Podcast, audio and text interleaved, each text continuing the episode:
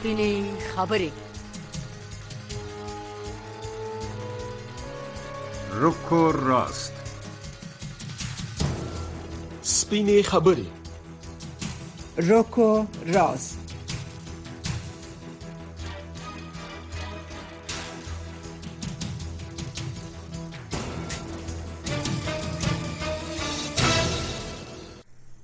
السلام علیکم درنو ریدونکو ستړي مشي زه زیبا خادمیم د د امریکا غږ آشنا رادیو خبرونه ده.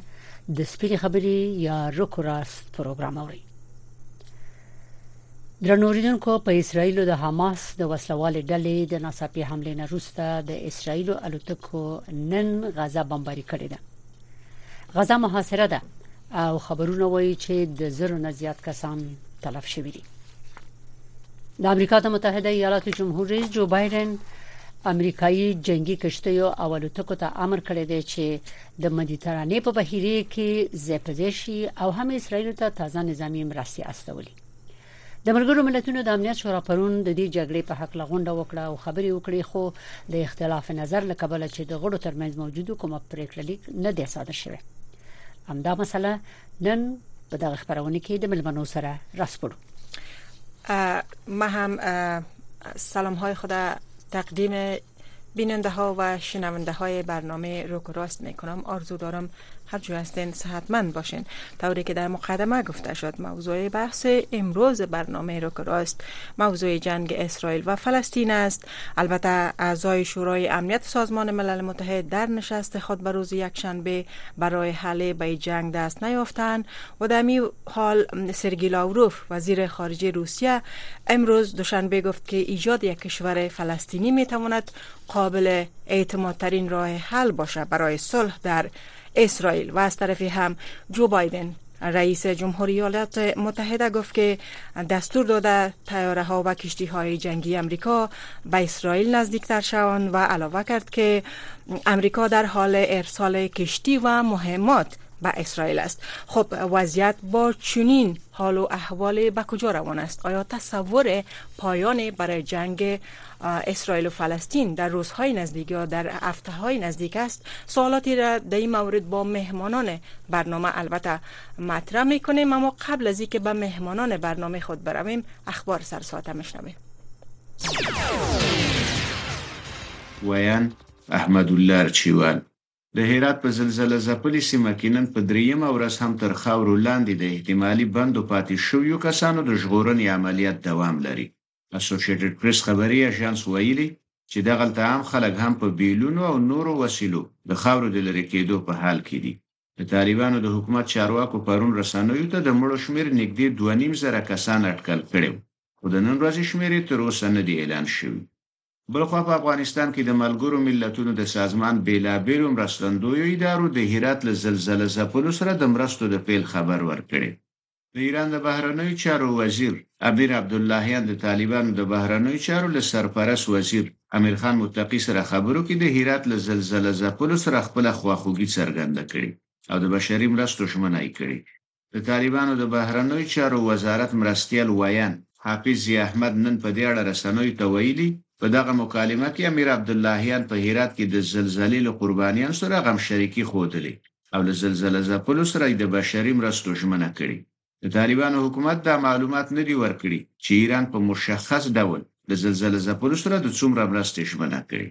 په افغانستان کې د طالبانو حکومت د لومړي وزیر اقتصادي مرستيال مولا عبدالغنی بیرادر لګاونډیو هیوادونو غوښتي چې له افغانستان سره ښه تعامل وکړي. دغه جګپوري طالب مشر په ځانګړي ډول له پاکستان څخه غوښتي چې د افغان کډوالو سوداګرۍ په برخو کې نور ستونزې جوړې نه کړي بلخو د افغانستان لپاره د ایران د ولسمشر ځانګړي استازي ویلي حکومت به له هغو خلکو سره جدي چلن وکړي چې هلته مش افغان کډوال زوروي د یادونې وړل چې لڅ مودې راهیسې پاکستان کې د حکومت په امر د امنیتي ادارو لخوا د افغان کډوالو د نیولو زورولو او بیرته افغانستان ته د استولو لړۍ چټکه شوې. اسرائیل نن هم د حماس وسلوالو د پوځي او حکومتي وړتیاو د له منځه وړلو لپاره پر غزه خپل بمباري شدیدې کړي اسرائیلي چارواکو ویلي په غزه کې د حماس پر سختدریځو شاوخوا زر بریدونه کړي.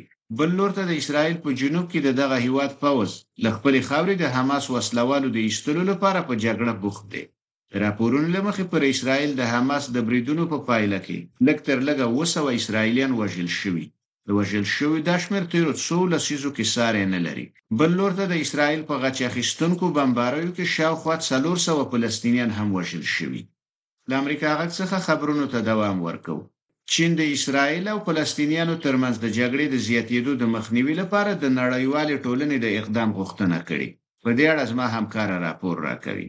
په داسې حال کې چې د اسرایل او غزې په جنوب کې جګړه روانه ده او اسرایلی پاوز پر غزې د ځمکني برید لپاره تیاری نیسي چین د جګړې د پراخوالي د مخنیوي لپاره د نړیوال ټولنې د اقدام غوښتنه کړې ده د چین د بهرنیو چارو وزارت د دوو دولتونو ترمنځ پر حل لارې ټینګار کړي او ویلي دي چې د هر هغه عمل مخالفت او غندنه کوي چې ملکی وګړو ته پکې زیان رسیږي.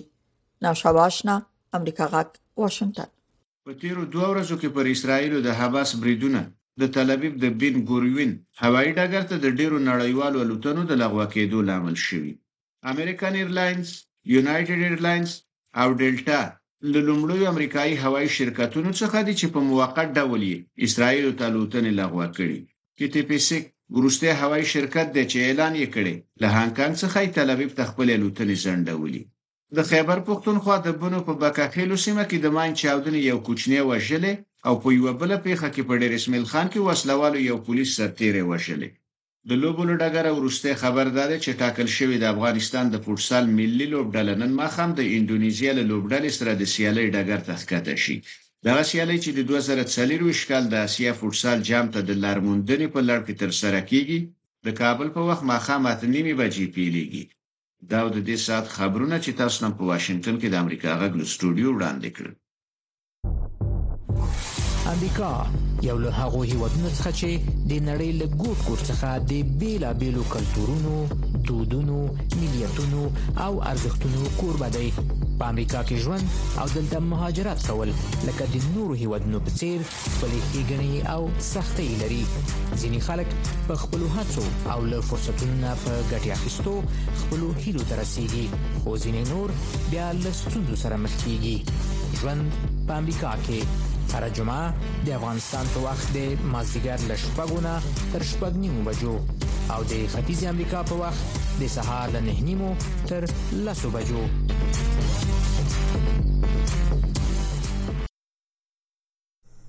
د سپینې خبرې د پروګرام قدرمنو اوریدونکو په خیر راغلی ستړي مشي فوزي جان احسان او ززي بخادم د کورونی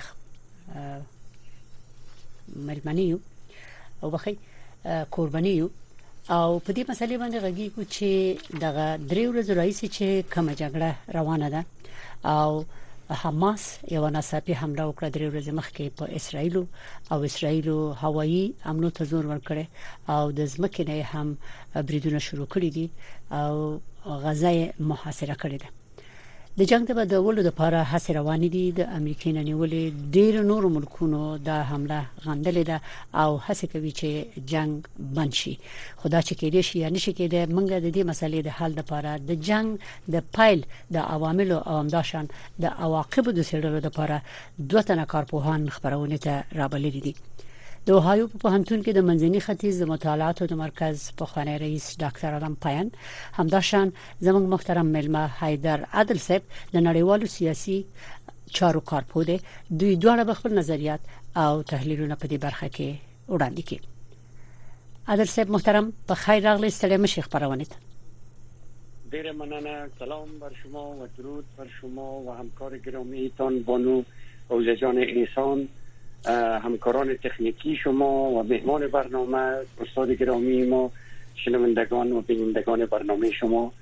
ما در خدمت شما هستم بسیار زیاد تشکر عادل صاحب از شما و از حضورتان از وقتتان به برنامه. همچنان از محترم علم پایم رئیس پیشین مرکز مطالعات شرق میانه در پوهنتون اوهایو.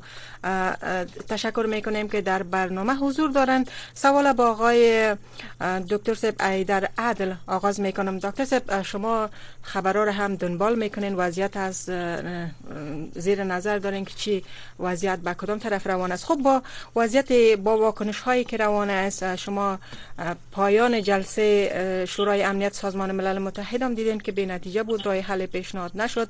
امریکا هم از این طرف سلاح و مهمات و کشتی های جنگی را روان داره و یک راه حل را که روسیه پیشنهاد کرده گفته که قابل اعتماد ترین راه حل یک کشور فلسطینی می باشه البته به نظر شما وضعیت جنگ میان اسرائیل و فلسطین به کدام سمت روان است؟ آیا ختم جنگ در روزها و هفته های آینده متصور است. حادل صاحب ستاسو په اجازه معذرت غواړم یو ځل به د پایان صاحب خبر واخلو چې خبرونه کړي یا نه چې ستاسو تفسیری او تحلیلونه اوري یا نه ځکه چې هغه به بیا خپل نظر وړاندې کوي ډاکټر صاحب الان پایان ستړي مشي زمونږ غاوري ستړي مشي زه حاضر یم. خپل سلامونه تاسو ته او د ګران ملمت او ټول اوریدونکو ته وړاندې کوم نو زه ستاسو په خدمت کې یم. بسیار زیاد تشکر از شما پایان صاحب از حضورتان و از وقتتان. بفرمایید دکتر صاحب بله. ببینین در 72 ساعت یا بیشتر حتی در 75 6 ساعتی که از آغاز جنگ که از روز شنبه صبح ساعت 6 با وقت محلی اونها آغاز شد الا امی لحظه جنگ به شدتش جریان داره. امیدواری برای قطع جنگ هنوز دور است که ما قضاوت بکنیم و انتظار داشته باشیم. در این ساعات اخیر هم یک گروه به طرف شمال اسرائیل داخل شدن از سرحدات که با مقاومت اسرائیلی ها مواجه شدن و او گروه را اسرائیلی ها اعلان کرد که ما نابود کردیم. از این لحاظ موشک پراگنی و فیر راکت ها هم به شدتش جریان داره از داخل غزه و خاک اسرائیل. حتی این راکت ها بعضش به میدان هوایی بین المللی خود پایتخت اسرائیل رسیده و نقاط دیگه هم هدف قرار دادن. اما خب واضح هست که این جنگ ادامه طولانی مدت نخواد داشت. به دلیل از که اسرائیل یک کشور بسیار مقتدر و توانمند از لحاظ نظامی هست. پشتیبانی کشورهای بزرگ جهان هم با خود داره از یک طرف و جانب دیگر طرف مقابل یک گروه بسیار کوچک است که به نام حماس است و جمعا از طریق وسایل اطلاعات جمعی که انعکاس یافته و ما شنیدیم حدود یک هزار فلسطینی یا یک هزار اعضای گروه حماس در این جنگ شامل هستند. یعنی متباقی دو میلیون انسانی که در غزه زندگی می‌کنن. اونها فاقد سلام مهمات وسایل جنگی و امثال از اینا هستند. حتی زیربناهای مهمی که بتونن مثلا تولید سلاح و مهمات بکنن در غزه وجود نداره. بنابراین اونا جمعا دو میلیون مردم ملکی هست که در این جنگ اصلا دخالت ندارن و کدام کدام اصطلاح همکاری و کمک مستقیم هم به گروه حماس ندارن. بله. از این لحاظ این جنگ خواهی نخواهی به نوع یا توسط میانجیگری بعضی از کشورها یا مقامات بین المللی یا سازمان های بین المللی یا خود ملل متحد به نوع خاتمه پیدا می‌کنه اما این که چند وقت دیگه در بر می‌گیره این قابل مکس است که ما باید سندی فکر بکنیم بله. و انتظار وباسو انتظار وباسو چې سبب وشي د منځګړتوب مسله چې تاسو یاد کړل ډاکټر صاحب ایدر عادل عادل؟ دا ډیره مهمه مسله ده د باندې بلګروسته ساسي دوړو نظر واخلو. خو اوس بری شو دي ته چې د ډیر وخت رئیس اسرائیل څه چې بلکې دا تمه یې چانه کوله چې حماس به یا مثلا نو بل ډله به دغه یو بریټ کې یا غم په اسرایل په دې شدت دغه یو حمله. چې حتی اسرایلیان خپل ویل دي چې موږ هیڅ تصور نه کوو چې د سیو حمله بکیږي د فلسطین لخوانه د حماس د ډلې لوري. اما اوس خو دا حمله وشوه او ټول وغندله. خبره ده چې اسرائیل خو د سیو ملک د چې تاسو خپل ویل کافي قدرت لري او ډیر طرفداران لري. دومره چې دوی طرفدار لري فلسطینیان نه لري نه لري نه د اسلامي ملکونو او نه هم د نړیوالو. نو د دې مخکې څه واقع شول یا څه شي ودی چې حماس دغه سی وزوروره حمله په اسرایل باندې کوي؟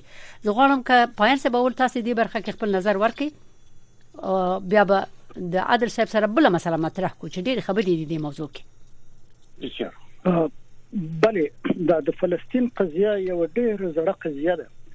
تقریبا د حضرت عیسی علی السلام تر پیدایښت لمخه په دغه منطقه کې اشوب موجود او د لوی لوی قوتونو چې په دنیا کې و دا په دا په د تاریخ په پرونه کې تاسو ورته ګوري نو یو یو وخت په دغه ځای کې په خپل د اسیریانو د نیولې بیا په هغه بعد لا غڅ د بابلونیانو ونوي بیا په خپل د اخمنشانو ایرانیانو د پرژن امپایر ونوي بعد لا غڅ بیا روم دغه را یونانیان رالو بیا په پس لا غڅ رومانان رالو بعد لا غڅ بیا په خپل یو وخت د مسلمانانو ونوي دا ده. دا تقریبا په ومه پیړۍ عیسوي کې. دا خلک په دې ځای کې دا اوسېدل د مخ تر هغه که تاسو ورته وګورئ دا تاریخ ته دا په نامه د کنعان. بله. دلته هم ځکه چې په هغه کې چې د خلک اوسېدل چې د ابراهيم عليه السلام هم په خپل چې دا چې په هغه هم د د د عیسویانو او د د يهودانو او د مسلمانانو پیغمبر دی. هغه په خپل عراقي وو د عراق د په خپل د فلسطین نو خو وروسته بلاړي هلته مهاجرت وکړي لکه د مشتاش ټول چې مهاجر دغه خلک نو بعد لا هغه څخه دا مسله پیدا و دا تر هغه وخت پورې چې په جنگ عمومي اول کې دا په خپل د د اوس ترکیه عثماني تر اقتدار لاندې بعد لا غوښته چې ترکیه عثماني رنګ سو د د د انګريزانو په لاس ورلې د انګريزانو په لاس کې بعد لا هغه څخه چې د اسرائیل اعلان وکړي په 1948 کې د خپل چې دا یو آزاد مملکت دی. دا غدر مخه چې اسرائیل اعلان کړی دلته په 1948 کې د ملل متحد یو فیصله و چې هغه په خپل د امریکایانو او روسانو ټول امضا کړل دلته باید دوه ممالک جوړ شي. دوه دولت بله. د عربانو چې د مسلمان عیسوي عربان او د مسلمان عربان او دغه خلک وي دغه د فارغ مملکت وي بل مملکت هغه يهودان وي. هغه عملی نسو د پارټیشن پلان اف د 1940 نو دا هغه بعد دغه جنجال پاتې دي تر نن ورځې پورې. دغه د غزه مسله چې د خو دا خو تاریخي هغه تاسو هغه ټول تاریخي جریان بیان کړ. په دغه یو څو کلونو کې مثلا دغه د 1300 میاشتو کې یو کال مخکې د دې نه څه شي دي فرزند؟ دغه تازه انکشافات څه و چې اسرائیل په اسرائیل برید وشو bale bale دغه چې تشکیل نسو د دوه مملکت. اسرائیل یو مملکت سو مګر عربانو د فلسطینیانو مملکت پیدا نکړي نو دا جنجال روان دي تر هغه وخت پورې چې د مشتاسب ګور به نور جنگونه وسوله. هغه کې د اسرائیل د نور ځایونه ونیول چې هغه د اسرائیل باید نه وینولې هغه د ملل متحد د خاطر اشغالي مناطق دي. په د اشغالي مناطق کې د اسرائیل تر قوت لاندې راځي ده. هغه ځکه د نظام موجود د بعد لا غت څخه د غزې څخه اسرائیلیان وته اوس په غزه کې یو څل 30 کیلومتر مځکه ده په دای اصول 30 کیلومتر مځکه کې 2 میلیونه خلک هستوګنه کوي. د درې خواو څخه د معاشره د اسرایل لخوا څخه د اوبو د شمال او د غرب او یو د مصر سره یو څه مځکه خاور د غزل لري. دا لکه دا عادل صاحب چې ذکر کړل چې دغه 2 میلیونه خلک نو تازه وبلري نه د سوخت مواد لري. دا ټول شان چې هغه د اسرایل له خوا څخه کنټرولېږي نو بل اخر دغه چې په فارسی کې چې وای وای کار چې په ګلو رسید نو نو دا هغه مسله ده. نو د دې پر دا یو انتحاري حمله ده چې دوی وکړله.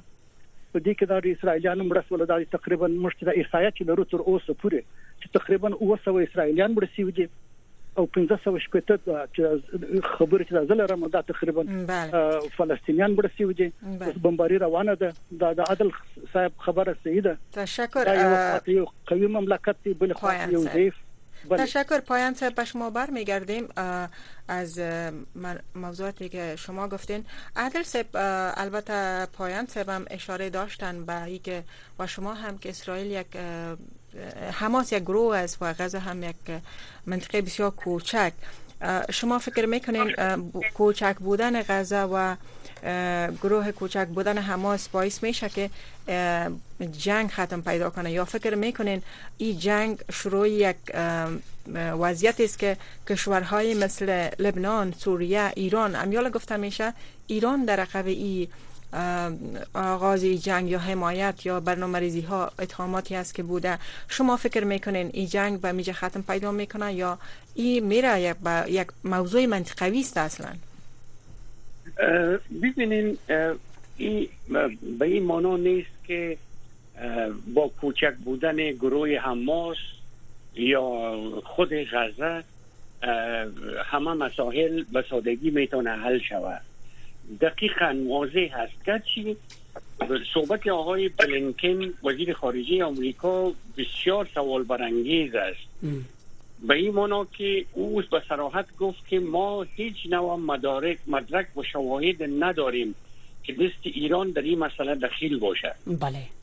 حتی کشورهای دیگری را در جهان مستقیم به نام نگرفتن این نشان دهنده هزی هست که آمریکا و خود اسرائیل متوجه مسئله شدن که اگر این ما نام بگیریم از کشورها به این معناست که ما ابعاد جنگ بزرگتر می سازیم به مون لحاظ اینا یک نوع خاموشی اختیار کردن و در یک حالت دو دله قرار دارن که امی تعرض را که آغاز کردن به شدتش. مثلا در برابر یک گروهی که غیر از تفنگ دیگه چیزی به دست ندارن.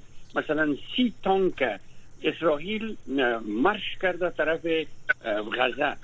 این با این سی تانک اینا چی می‌خواین انجام بدن؟ کی رو می‌خواین بکشن؟ از اون لحاظ اگر ابعاد از این جنگ خود از اینا وسیع بسازن طبعا من مطمئن هستم که جنگ وسط پیدا می‌کنه و ختم نمیشه. مثلا امی گروهی که پیشتر خدمتتان گفتم که به شمال اسرائیل داخل شده این از طریق لبنان داخل شدن اینا. با وجود از که حزب الله لبنان اعلان کرد اینا مربوط ما نیستن. اما کوچکترین واکنش اسرائیل در برابر حزب الله نشان نداد. یعنی به این معناست با وجود از که از طرف دیگه مثلا آقای رئیسی وزیر رئیس جمهور ایران مستقیم حمایت کرد از مداخله حماس با, فل... با اسرائیل. یا مثلا پارلمان ایران استاد شدن با پای به نفع حماس شعار دادن اما کوچکترین اکثر عمل با وجود نامد از طریق از طرف اسرائیل یا کشورهای دیگه که این حالت محکوم بکنن این نشان دهی از این است که اینا هم یک نوع ترس دارن از عباد گسترده این جنگ که اگر پای دیگه کشورها کشانده شود در این مسئله واضح هست که به سادگی حل نمیشه و این جنگ میره به طرف بزرگ شدن و کلان بله. شدن حتی بله. امکان داره که چند کشور عرب و همسایه اسرائیل هم در این جنگ شامل شوند و دخیل شوند. تشکر عادل صاحب تشکر عادل صاحب بله اوس تاسو د دې خبرو په ارتباط سوال دا پیدا کیږي چې چې تاسو ویلې چې د سین نه لیدل کېږي ټول د فکر کوي چې د جنگ د ختمولو هڅه وشي نو په دې حساب ولې بیا د ملګرو ملتونو د امنیت شورا کې د سپریکړه ونشو صحیح ده په حماس باندې مثلا د دې په برخه کې ول شو چې دوی د حمله چې کړې د حمله عمومي وغندل شو د چا نوم په کې ونه خسر شو. ولې الته د سپریکړه ونشو چې د حل یو لار راوته وي یو خبره. او دویمه خبره ده چې که حماس دومره قوي وي چې دغه یو حمله کوي خو نو دا جنگ شدت پیدا کوي. تر څو د حل لار ورته باید ولټول شي مخکې د مخکې نه کده حل لار نه خو معلومدار چې د شدت پیدا کوي. اوس په دغه برخه کې کمل کول شي چې منځ کې وساتت وکي مزګړتوب وکي او قراری شي. یعنی نور خلک ونه وجل شي. دغه دومره تاوان زیان چې رسیدل د دې غو مخړل شي مصر په خوا همیش دغه منځګړتوب کړی دی څه فکر کوي کوم ملک بهتر دی کوم شخص دی چې کولای شي منځګړتوب وکړي د اسرایل او فلسطینیانو ترمنځ خصوصا د حماس د ډلې بله این سوالتون متوجه ماست یا جناب پایان پایان صاحب نظر ورکړي ستاسو نظر په کې حتمی ضروری غواړو بله پایان صاحب مهرباني بله امین بله مهرباني عادل صاحب مهرباني بله امین لحظه قطر به اصطلاح ابتکار به دست گرفته و خواستار میانجیگری در مسئله شده. البته اعلان کردن که به مشوره و هدایت آمریکا صورت گرفته. خب. اونا و تا جایی که از طریق وسایل اطلاعات جمعی میشنویم یعنی نتیجه هم داشته به خصوص در ارتباط به تبادل اسرا. که اینا در قدم اول اسرا تبادله شده بعد از او باز جنگ به چی شکل خاتمه پیدا بکنه. درست. اما به حرف شما که متاسفانه جلسه شورای امنیت ملل متحد هم نتیجه نداد. اینجا یک باریکی هست. بله. باریکی هست که فلسطین چیز را اشغال نکرده که به اصطلاح بتونن به طرفداری از اسرائیل میانجیگری صورت بگیره و شورای امنیت یک فیصله را صادر بکنه. از اون لحاظ این به نتیجه نرسید. کشورها واضح هست که در مسئله اختلاف نظر دارن از جانب دیگر اگر ما به 1967 برگردیم خاک اسرائیل اگر ببینیم مثلا ایره چهار قسمت بکنیم از اون زمان اله امروز سه و نیم قسمت خاک فلسطین اسرائیل اشغال کرده. بله. و در, در شرایط فعلی هم مجموعا گفته میشه در تمام اسناد و بین المللی که فلسطین اشغالی از این لحاظ این نشست های مثل شورای امنیت و یا متواقی نشست ها نتیجه نداشته در طول سالیان نتیجه نداشته و از بعدم نتیجه نداره اما سوال شما جالب است باید کشور اشغام شود و ابتکار عمل به دست بگیره و کوشش بکنه این جنگ توقف بدن از نظر من مناسب ترین خود کشورهای اسلامی است. چون زبان مشترک از لحاظ مسائل دینی و مذهبی دارن و من قبل از اینکه دیگه مسائل براتون تشریح بکنم پایان صاحب هم گپای جالب داشتن به خصوص در ارتباط مسائل تاریخی بله. چیزای جالب بیان کردن. من هم می‌خوایم خدمتتون عرض بکنم. یک قسمت وسیع این معضلات در, در اسرائیل و فلسطین معضله دین است یا ادیان است. بعد از اون بر مسائل سیاسی و گپای دیگه میاد که این در طول تاریخ این اتفاقات افتیده و به خصوص در سالهای اخیر. از این لحاظ اگر ما ریشه را مطالعه بکنیم اینها به اصطلاح عوام بچه های کاکا هستند اینا از یک نژاد هستند از یک ملیت هستند از یک قوم هستند تفاوت بسیار کلی بین از اینا وجود نداره. صرفا اینا رفتن به طرف اسلام و اسرائیلیا رفتن به طرف دین یهودیت. بله. از این لحاظ اختلافات تقریبا بیشتر مسائل دینی هست چا تا مسائل سیاسی و امثال از اینا. و این لحاظ بهترین الترنتیف برای میانجیگری کشورهای اسلامی هست که کوشش بکنن این مسئله را حل کنن. نو پایان صاحب تاسو سو اسلامي ملکونو کې خو یو ملک نه دی خو ډیر ملکونه دي کم ملک بهتره دی کم شخص کولای شي منځګړتوب کې اوس دفتن ځکه د جنگ بندولو ته ضرورت دی. اول به دا وایم چې دا اسلامي ممالک چې د حقوق ټولنه تقریبا 40 ممالک چې په دنیا کې. تقریبا د 200 ممالکو څخه 40 مسلمانان چې هغه کې مسلمانان اکثریت لري چې لوی ترینه په خپل انډونیزیا او پاکستان دی او د نور دغه شې د بنگلاديش ده دا دومره قوت نه لري دومره وزن په د بین المللي مناسباتو کې نه لري دا یو مسله ده. بل مسله دا ده چې دا عادل صاحب هم ذکر کړل چې دا مناطق د فدا د 1920 جنگ کې چې دا اسرائیل د غمځکه ونیولې هغه ټول په بین المللي قوانینو په اساس او د منطقوي پالیسي په اساس دا اشغالي مناطق دي. تر څو پورې چې دغه اشغال اشغالي د بل مملکت یا د بل ساحې نور خلکو د فاره هغه منظور شوی دي د ملل متحد د د فیصلو په اساس باندې. نو دغه اشغالي مناطق دي. د غزه هم په اشغالي مناطق کې راځي. د غربي څنډه د اردن د د رود. داغه چې اسرائیل هغه باید چې د فلسطینیانو د پاره یو ملک جوړ شوی وای هغه ونوسو هغه چې ونوسو د امریکا قرار قرار اسرائیل ونیولې په هغه کې شارکونه آباد کړل. نو تر څو پورې چې دغه دغه اشغالي حالت موجود دی دلته په شرق میانه کې به صلح نه وي. د حماس موږ تاسو ګورو چې یو کوچنی ګروپ دی او دا په خپل اسرایلیانو امریکایانو اروپایانو په هیڅ یو ټیرریست بولي. اما په خپل فلسطینیانو ته چې ګوري هغه وایي دا د اصله کته اوکراین خلک چې خپل اوکراین د ازادي لپاره جنگ کوي موږ هم کوو. نو د دې اوس دا ګوري دا د وزیر دفاع د اسرائیل پرون ویله چې د فلسطینیان چې د لغت چې د انګلیسي استعمال کوي د هغه ترجمه دا و چې human animals. هغه د خپل د غذا خلک هیومن انیملز بولی انسان نه بولی نو په دې لحاظ باندې یو خاطر اسرائیل دا ګر سره انسانان نه بولی او د بل خوا څخه د خپل د غزي حالت مرس ورس په خرابېږم چې نو بل لري نو خوراک لري نه بل لري. بله تشکر. انت انتحاري حمله و چې دی وکړه بیا راځو وجه ته چې دا کوم مملک کولای شي چې منځګړی وکړي په دې مسله کې. بله. اسلامي مملک سوال هم دا بله. امکان لري چې ترکیه ولې ترکیه دومره داخل نه په اندونیزیا بل دي چې لر مملکت دي نور خو نو د مصر او سوریه او عراق دی په خپل د اسرایل سره درې څلور جنگونه وکړل.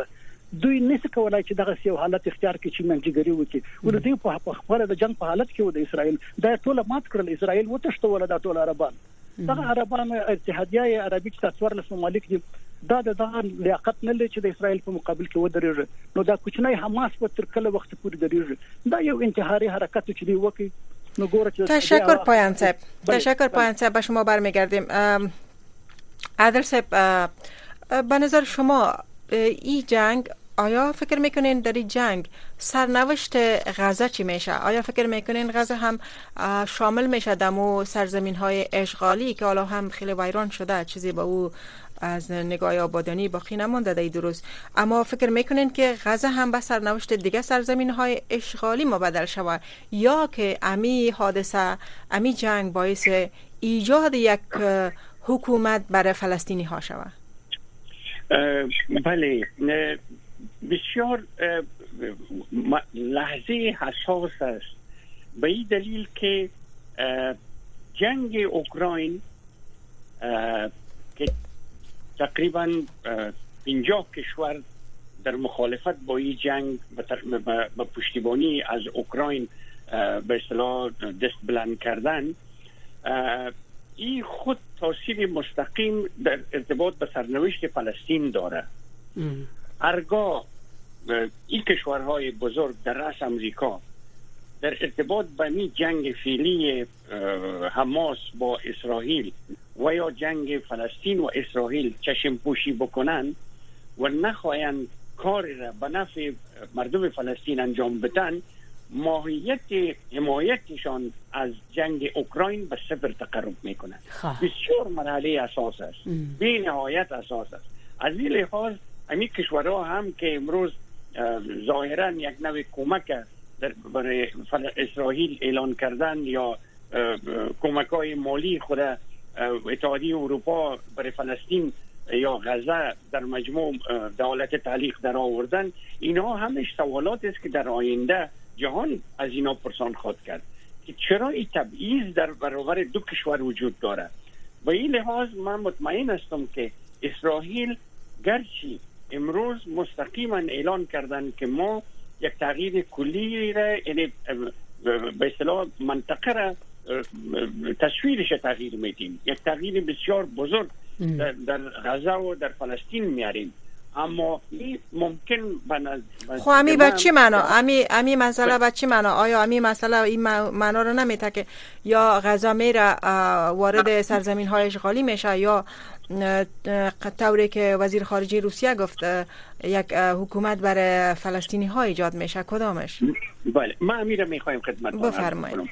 هدف هدف از اعلان اسرائیل از این حرف این است که ما به رسمیت می‌شناسیم فلسطین یا حماس و بر اینا امتیاز قائل میشیم. این برعکس است. یعنی ما اشغال می‌کنیم.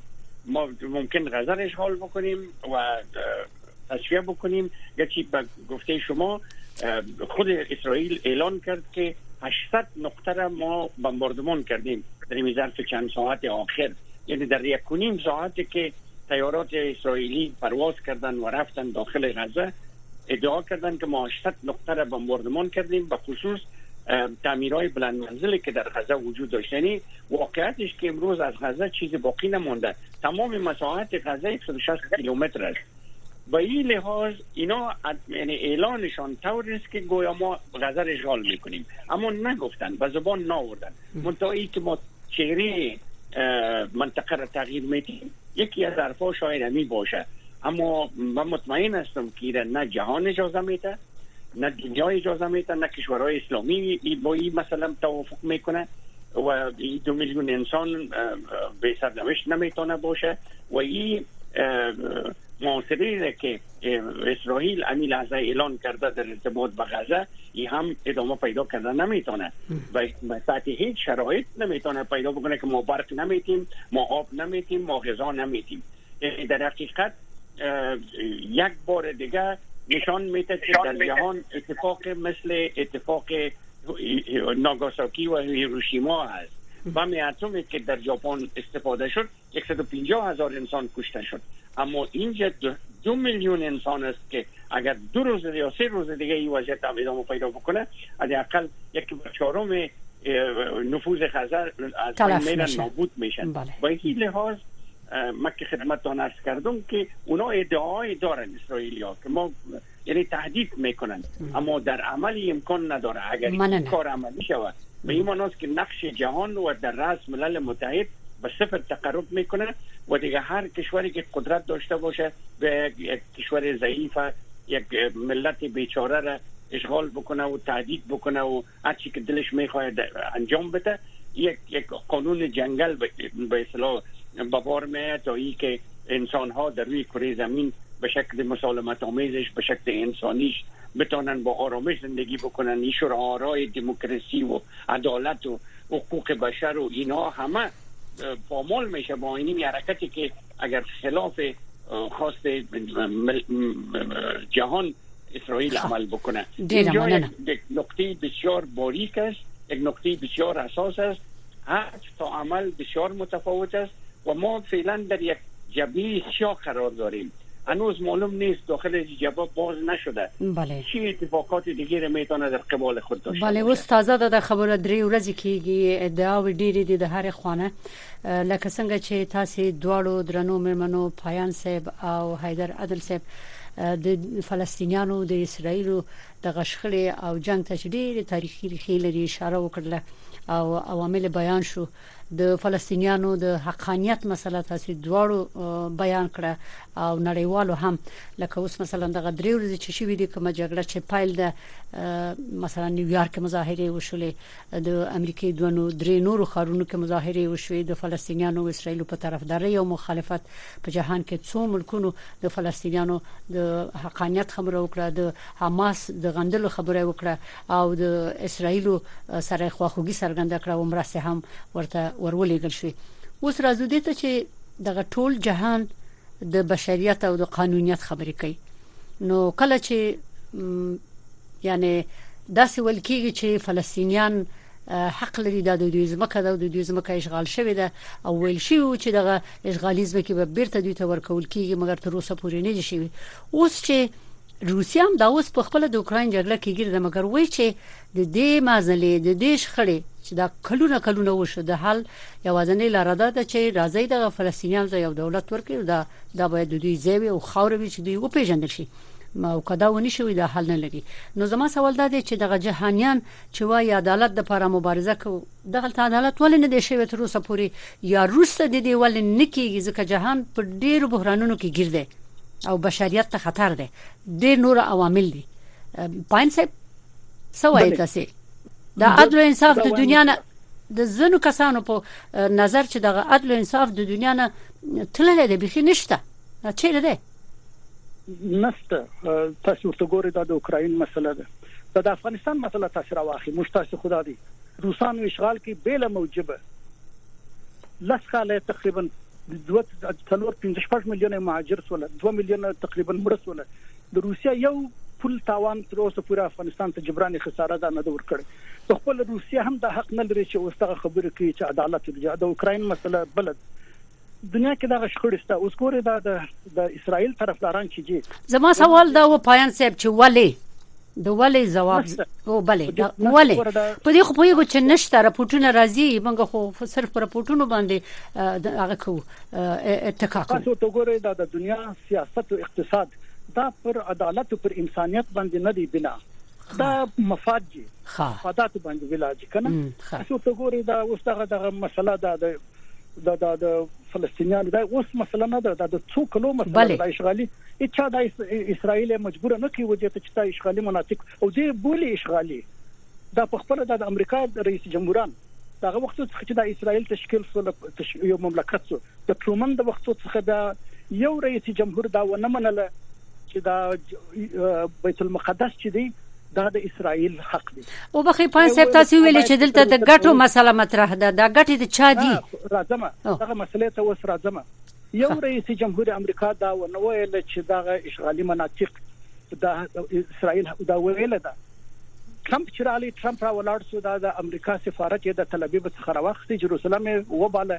نو دا ګوره دغه یو حالت چې حتی په امریکا کې یو چې د خلک دغه مخالف و چې دا باید ونیسي مګر وسوله دا د سیاسي مسایل دي چې دا کیږي. سیاسي مسایل ټول سیاسي مسایل او اقتصادي مسایل چې دي دا پر عدالت باندې نه بنا. دا پر مفادات باندې بنا دي. نو په دې خاطر باندې دي خپل مفادات ته اسرائیل سره ویني. او دا د جرمني جرمني چې په خپل په هلاکاست کې شپږ میلیون یهودان مړ کړل اوس را ولاړی شوی د یهودان حق لري دغه. دغه د فلسطین مسله ټول نجیده ونیول دغه دغه دغه نازي د جرمني بقایا چې د اوسته نو په دې د خپل اتحادیه اروپאי ټول خپل ملاتړ د اسرایل سره اعلان کړی دی. د امریکا کشتي او دا ټول روان دي د اسرایل په طرفداري. اما د فلسطینیانو د حقوقو په طرفداري نه ده. د دنیا دغه سره او د اسلامي مملکت چې تاسو ورته ګوري چې لري پیسې لري مګر ابرو او عزت یو نه لري. د عربستان سعودي دولت امارات قطر او دا ټول ټول دغه تهذیر ټول چې اخر اسرائیل پر رسمیت وپیژني او دغه د اشغالي مناطق سوال هم پورته نه کوي نو دا راځم مو دې دا یوازې د اروپאי اتحاد او جرمني او فرانسه او دا نه دي. د خپل مسلمانان هم د کار دي. د اوت سلويش ممالک چې په هغه کې مسلمانان زه یو بل سوال لرم عادل صاحب تاسو نه غواړم. څه فکر کوي ولی د ملکونو ګټه په عدالت کې نشي ترلاسه کېده عادل صاحب بله. ببینن با تاسف و ادامه صحبت صاحب خدمتتان عرض بکنم. بله. امروز جهان ظاهرا یک قطبی هست و یک تعداد کشورهای بزرگ اقتصادی در یک پیمان قرار دارند یا پیمان نظامی یا پیمان اقتصادی. حالا از فلسطین اگر آغاز بکنیم بله. بریم به طرف عراق افغانستان لیبیا سوریه و بعضی کشورهای آفریقایی آمریکای لاتین. دیده میشه که سرنوشت کشورهای به اصطلاح معروف است به نام جهان سوم که ما ایره از لحاظ تیوریک قبول نداریم. کمتر انکشاف یافته میشه درست بله. این اینها را اجازه نمیتن که سرنوشتشان خودشان تعیین بکنن. از جمله فلسطین هم شامل امی است ببینید در قضیه فلسطین دست زیاد کشورها دخیل است. و اینها را می‌خواین سرنوشتشان از بیرون تعیین بکنن.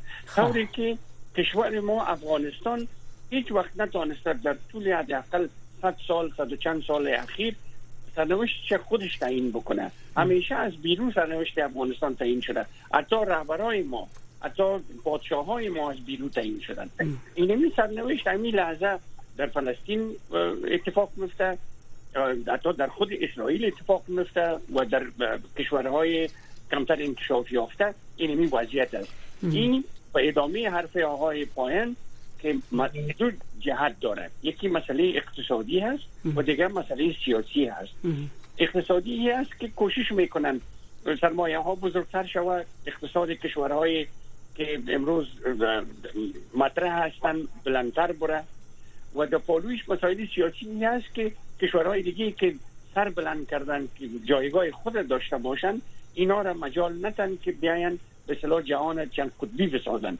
این از این لحاظ این کشورهای بیچاره که کمتر یافته هستند در بین این کشورهای بزرگ در حقیقت با میدان جنگ تبدیل شدن به میدان زور آزمایی تبدیل شدن و تلفاتش خسارش تنها مردم بیچاره میده که اونا اصلا آگاهی از این مسائل جنگ و رقابت های نظامی و سیاسی و اقتصادی ندارن. و این لحاظ اینمی وضعیتی که فعلا امروز در فلسطین است و یا در این منطقه خاور میانه است. شما ببینید همین لحظه سوریه توسط شش کشور اشغال شده. بله. هر قدر رئیس جمهورش میگه که شما از خاک ما براین اما کس نمی‌شوید بله امر کنید تشکر بسیار زیاد. به خاطر که وقت کم مونده یکی دو سوال ما از شما داشتم. البته سوال اول میست که ادامه جنگ در میان اسرائیل و فلسطین چی تاثیر می‌تونه بر منطقه داشته باشه با در نظر داشت واکنش های جهانی یک تعداد محکوم کردنی حملات حماس بر اسرائیل و یک تعداد هم حماس بر حق دانست و گفت دفاع می‌کنن از خاک خود. پس با در نظر داشت این موضوع حملات بین جنگ بین دو چی تاثیرات بر منطقه داره و چی تاثیر بر سیاست های بزرگ جهانی داره به نظر شما؟ بله. این واقعا سوال بسیار کلیدی هست در ارتباط به جنگ فیلی. به این معناست که حمله حماس واضح هست که یعنی حمله یک کشور در برابر یک کشور دیگه نیست. یک گروه در برابر یک کشور. کشور. بله. از این لحاظ اما گروه با, با تنهایی خود نمی‌تونست چون این حملاتی را طرح کنه. بله بفرمایید. بله. من میره خدمتتان عرض می‌کنم. بله. امکان داره که پشتیبانی واضح هست. ایران روسیه سوریه لبنان و کشورهای دیگه هم با این هست. یه هیچ جای شک نیست. اما می‌خوایم خدمتتان عرض بکنم که در طول حداقل سه چهار دهه اخیر اسرائیل به یک کشور ظاهرا بسیار بزرگ با عظمت از لحاظ هم نظامی هم استخباراتی هم اقتصادی در جهان و به خصوص در جهان اسلام مطرح شده بود. همه کوشش می‌کردن که دیگه آل و سادگی از پهلوی اسرائیل بگذرن چنانچه که در سالهای اخیر یعنی دههای اخیر عملیات ها تعرضا و شهرک ساخته های شهرک هایی که ساختن و در, در خاک فلسطین ایجاد کردن در پولوی زو مداخلات مستقیم اسرائیل در مسائل داخل سوریه در مسائل داخل عراق حتی در ایران و بعضی کشورهای دیگه حتی در جنگ اوکراین و روسیه. اینا همه همه طور ظاهرا نشان داده شد که اسرائیل امروز یک کشور بسیار بزرگ با عظمت و با قدرت در, در منطقه است و در خاور میانه و در جهان است. این حمله حماس نشان داد که او چیزی را که جهان و کشورها به خصوص کشورهای اسلامی در ارتباط با اسرائیل تصور می‌کردن اصلا اوتر چیز نیست. غلط است. باز ما سوال معمی بود که پس. اگر کوتاهتر جواب بتین هر دو سوال ما که وقت کم است. تاثیر امی جنگ بر منطقه کشورهای منطقه و بله. همچنان بله. سیاست های جهانی چی می‌تونه بله. مشخصا از دیدگاه شما؟ حیدر عادل صاحب که ټولو نمخ کې د ایران مسلې باندې لږ تمرکز وکړي او موږ غواړو چې د پایان صاحب نظر په اخر کې وورو پروګرام مخ په ختمېدو. بله همین منظور ما منطقه که گفتم ایران هم شامل بود. بفرمایید. ببینیم امروز یک نوع جسارت در کشورهای خاور میانه به وجود آمد که اونها می‌تونن در برابر حرکات غیر نرمال اسرائیل مثلا استادگی بکنن بله. و تغییر در سیاست خود نسبت به اسرائیل به وجود بیارن. این یکی از نتیجه هایی است که در از این جنگ بیتانه به دست بیاید.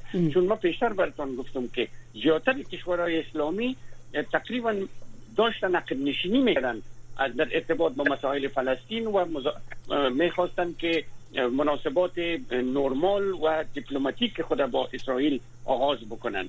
اما این جنگ اینمی مسئله را یک نوع بیداری به وجود آورد و اونا رو متوجه ساخت که می‌تونن کشورهای گروه های و ملیت هایی که استاده یک طرف. مثلا دیگه تمام اکثریت مردم این کشورهای اسلامی بیدار شدند متوجه شدند از رکود برآمدند بازم فهمیدن که فلسطین نابود نشده فلسطین زنده هست و اونا نفس میکشن عدل صاحب تاسو نه ډیره مننه دوه دقیقې لرو پنځ صاحب تاسو نظر غواړو چې د په منطقي خصوصا دغه د اسرایل سره ملاتړ ایران ته پیغام رسي ځکه د حماس او د دا مهمه خبره ده د تاثیرات په منځني ختیځ کې بیل اسرائیل نور د ټول عربي ممالک چې د فلسطینیانو طرفدار دي او دغه طرفداري د ډیر کی او دا وایي دا یو بیا عدالت چې سوی د فلسطینیانو په حق. ها هغه سره د جهان اسلامي ته. ورته لويش ممالک دي چې په هغه کې د سمپتي د فلسطینیانو سره ده. راځو د انکشاف اروپאי اتحاد ټول تقریبا اکثره په د طرفدار د اسرائیل دي دغه څه سره ولاړ څه د روسیا او د د خپل کله یو خواته کله بل خواته غوړي چې د مفاد په چش کې نو دا د تاثیرات د چې دا دغه ممالک چې د مسلمانان دي تل لري پیسې لري لکه عربستان سعودي. دا ټول دغه تحذير وکړي د اسرایل سره خپل مناسبات چینکي اما دغه عربستان سعودي تقریبا د خبري جاری وي زه فکر کوم چې هغه د پاره واقع نشینی ده وس دغه اسلامي ممالک چې په حقوق کې دغه سر د خاندانی رژیمونه استوار دي دغه ټول خلک یو فکر کوي او د پاچاهانو امیرانو دا او دای بل فکر کوي. د امیرانو پاچاهانو دا او دای د غربي سره د دې سیاسي او اقتصادي مناسبات سره ګډ دي. اما د خلکو ذهنیت عامه. په دا ټول عربي ممالکو کې د فلسطین طرفداران دي په دې کې هیڅ شک نشته مشتاق دا ټول د محققینو دا ثابت کړی ده. په اسلامي جهان کې تقریبا د ټولو خلکو سم په چې د فلسطینیانو سره ده. اما چې راځو اروپا ته د غنور د عیسوي ممالکو دا او دا د دې د اسرایل په لوي کوي تر هغه وخت پورې چې دوی کولای شي. خزمه سوال دا و چې د ایران مسلې په ارتباط په هر صورت لکه چې ایران هغه بله. د ایران هغه تر اوسه پورې شواهد نشته. بله. چې دا غونډې چې دوی تور کړی سی وي د ایران ور کړی دي تر اوسه پورې د خپل د امریکا وزیر خارجه مو ویل او البته افوا ډیر اوس په دغه متاسفانه دغه د سیاسي مسایلو کې د افوا او د دروغ دا هم تقریبا تر یو ځای پورې دا مفید ثابتېږي د خلکو د لپاره چې د استفاده ځنه کوي. دغه د نو نو تر اوسه د افوا ده مګر دا چې د ایران کم کومک کړی د مستقیم تر اوسه پورې نه ده ثابته شوی bale مګر د حماس سره او د حزب الله سره خو ملاتړ د پخوارای سي موجود ده هڅه په دې د خوسته په دې شک نه تاسو نه ډیره مننه. فوزي جان پروګرام برغون کو لکه چې وخت نور پوره شو. او د دوالو درنو ملمنو حیدر عادل صاحب د نړیوالو سیاسي چارو کارپو او د هایو په پوهنتون کې د منځني ختیځ د مطالعات د مرکز پوخانی رئیس. ډاکټر صاحب علم پایان مننه کوم چې خبرونه ترغل خپل نظریات او تحلیلونه بیان بله تشکر از مهمانان گرامی. ما از هر دو مهمان گرامی از وقتتان و از حضورتان و از تحلیلتان و از شنونده های گرامی که تا حال ما با ما بودن برنامه را دیدن و شنیدن. اکنون وقت خبرهاست از مهمانان گرامی ما خداحافظی می‌کنیم اما ما میریم با شنونده های گرامی خبرها را مشنویم با عرض سلام احد عزیزاده هستم از رادیو آشنا صدای امریکا. با تقدیم آخرین اخبار افغانستان منطقه و جهان زلزله به شدت 4.9 به مقیاس رکتر امروز دوشنبه غرب افغانستان را بار دیگر تکان داد. بر اساس گزارش خبرگزاری جرمنی زمین لرزه های جدید توسط سازمان زمین شناسی ایالات متحده و ساکنان منطقه تایید شده است. یک دکتر افغان در منطقه زلزله زده در هیرات امروز دوشنبه به شبکه خبری آلمان گفت این تکان ها بسیار شدید بود. مردم در پارک ها فضای باز و باغ ها پناه گرفتند. بر اساس گفته های کارمندان صحی زلزله مرگبار روز شنبه بر سلامت روان مردم تأثیر منفی گذاشته است. و ای افزود که بیشتر بیماران مبتلا به شوک روحی اند. در بسیاری از ولایات مردم برای قربانیان کمک های مالی جمعوری می کنند گزارش های ضد و نقیز در مورد تعداد دقیق تلفات وجود دارد. حکومت طالبان تاکنون از کشته شدن نزدیک به دو نیم هزار نفر و جراحت 2400 تن دیگر خبر داده است. عملیات نجات برای افراد گیرمانده در زیر آوار در مناطق زلزله زده هرات برای سومین روز ادامه دارد. خبرگزاری اسوشیتد پرز امروز دوشنبه نهم اکتبر گفت که مردم عام با بیل و وسایل دیگر برای نجات جان افراد از زیر آوار سرگرم کارند. دفتر همان کننده امور بشر دوستانه سازمان ملل متحد اوچا گفته است که زلزله روز شنبه تمامی خانه های 11 روستا در غرب هرات را ویران کرده است. مقامات طالبان روز یک شنبه گفته بودند که تعداد کشته شدگان به دو نیم هزار نفر رسیده اما ارقام دقیق هنوز اعلام نشده است. از سوی دیگر هیئت به سرپرستی ملا عبدالغنی برادر معاون امور اقتصادی ریاست الوزرای حکومت سرپرست طالبان امروز دوشنبه به هرات رفت تا مناطق آسیب دیده را از نزدیک ببیند. انتونی بلینکن وزیر امور خارجه ایالات متحده می‌گوید که این کشور تأثیرات زلزله در غرب افغانستان را به دقت پیگیری می کند. بلینکن در شبکه اکس دیشب نوشته که شرکای بشری ایالات متحده کمک های فوری را برای حمایت از مردم افغانستان فراهم می کنند. در همین حال نمایندگی دائمی جمهوری مخلوع افغانستان در ملل متحد در بیانیه گفته است که نهادهای بین المللی در حال بررسی زیانهای زلزله در ولایت هراتند نمایندگی دائمی جمهوری مخلوع افغانستان در ادامه از کشورها، نهادها و سازمانهای کمک کننده خواسته است که حمایت فوری و عاجل خود را از مردم هرات که نیاز شدید به کمک دارند بیشتر سازند. سازمان صحی جهان و اتحادیه اروپا کمک های فوری به زلزله زدگان هرات فرستاده اند. در حالی که بررسی تلفات و خسارات ناشی از زلزله روز شنبه در ولایت هرات ادامه دارد دفتر سازمان صحی جهان در افغانستان در شبکه اکس نوشته که برای حمایت از تداوی زخمی ها دوا و تجهیزات لازم را به شفاخانه ها در هرات فرستاده است. حسین امیر عبداللهیان وزیر امور خارجه ایران در یک تماس تلفنی با امیرخان متقی سرپرست وزارت امور خارجه حکومت طالبان درباره قربانیان زلزله روز شنبه هرات ابراز همدردی کرده است. حافظ زیا احمد معاون سخنگوی وزارت خارجه حکومت طالبان روز دوشنبه در یک نوار ثبتی در این مورد به ها گفت در این مکالمه تلفنی آقای امیر عبداللهیان با قربانیان زلزله روز شنبه غمشریکی نشان داده و همچنان برای کمک بشری به زلزله زدگان تعهد کرد و از هر گونه همکاری ابراز آمادگی نموده است. عبداللهیان و متقی در این گفتگوی تلفنی از تقویت روابط سیاسی و اقتصادی و همچنان همکاری های دو جانبه افغانستان و ایران نیز سخن گفتند. پیش از این چین، ژاپن، ترکیه و پاکستان هم برای کمک به آسیب دیدگان زلزله هرات ابراز همدردی و آمادگی برای کمک کردند.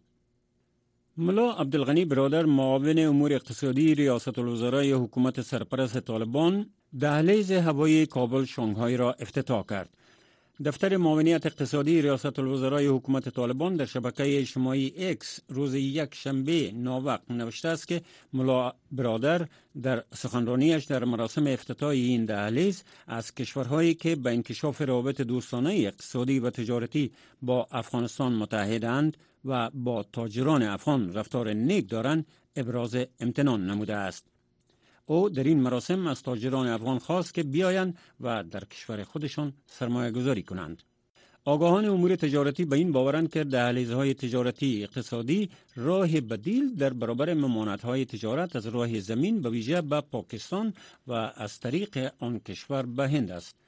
حکومت پیشین جمهوریت برای پیدا کردن راه های تجارتی بدیل دهلیزهای هوایی میان چین، افغانستان و افغانستان هند را ایجاد کرده بود. اخبار منطقه و جهان را از رادیو آشنا صدای امریکا میشنوید. پس از اعلام جنگ و تعهد برای نابودی توانایی های نظامی و حکومتی حاکمان حماس در غزه اسرائیل امروز دوشنبه بمباران آنجا را شدت بخشیده است. این در حال است که سربازان اسرائیلی برای بیرون راندن شبه نظامیان حماس در مناطق جنوب اسرائیل می جنگند.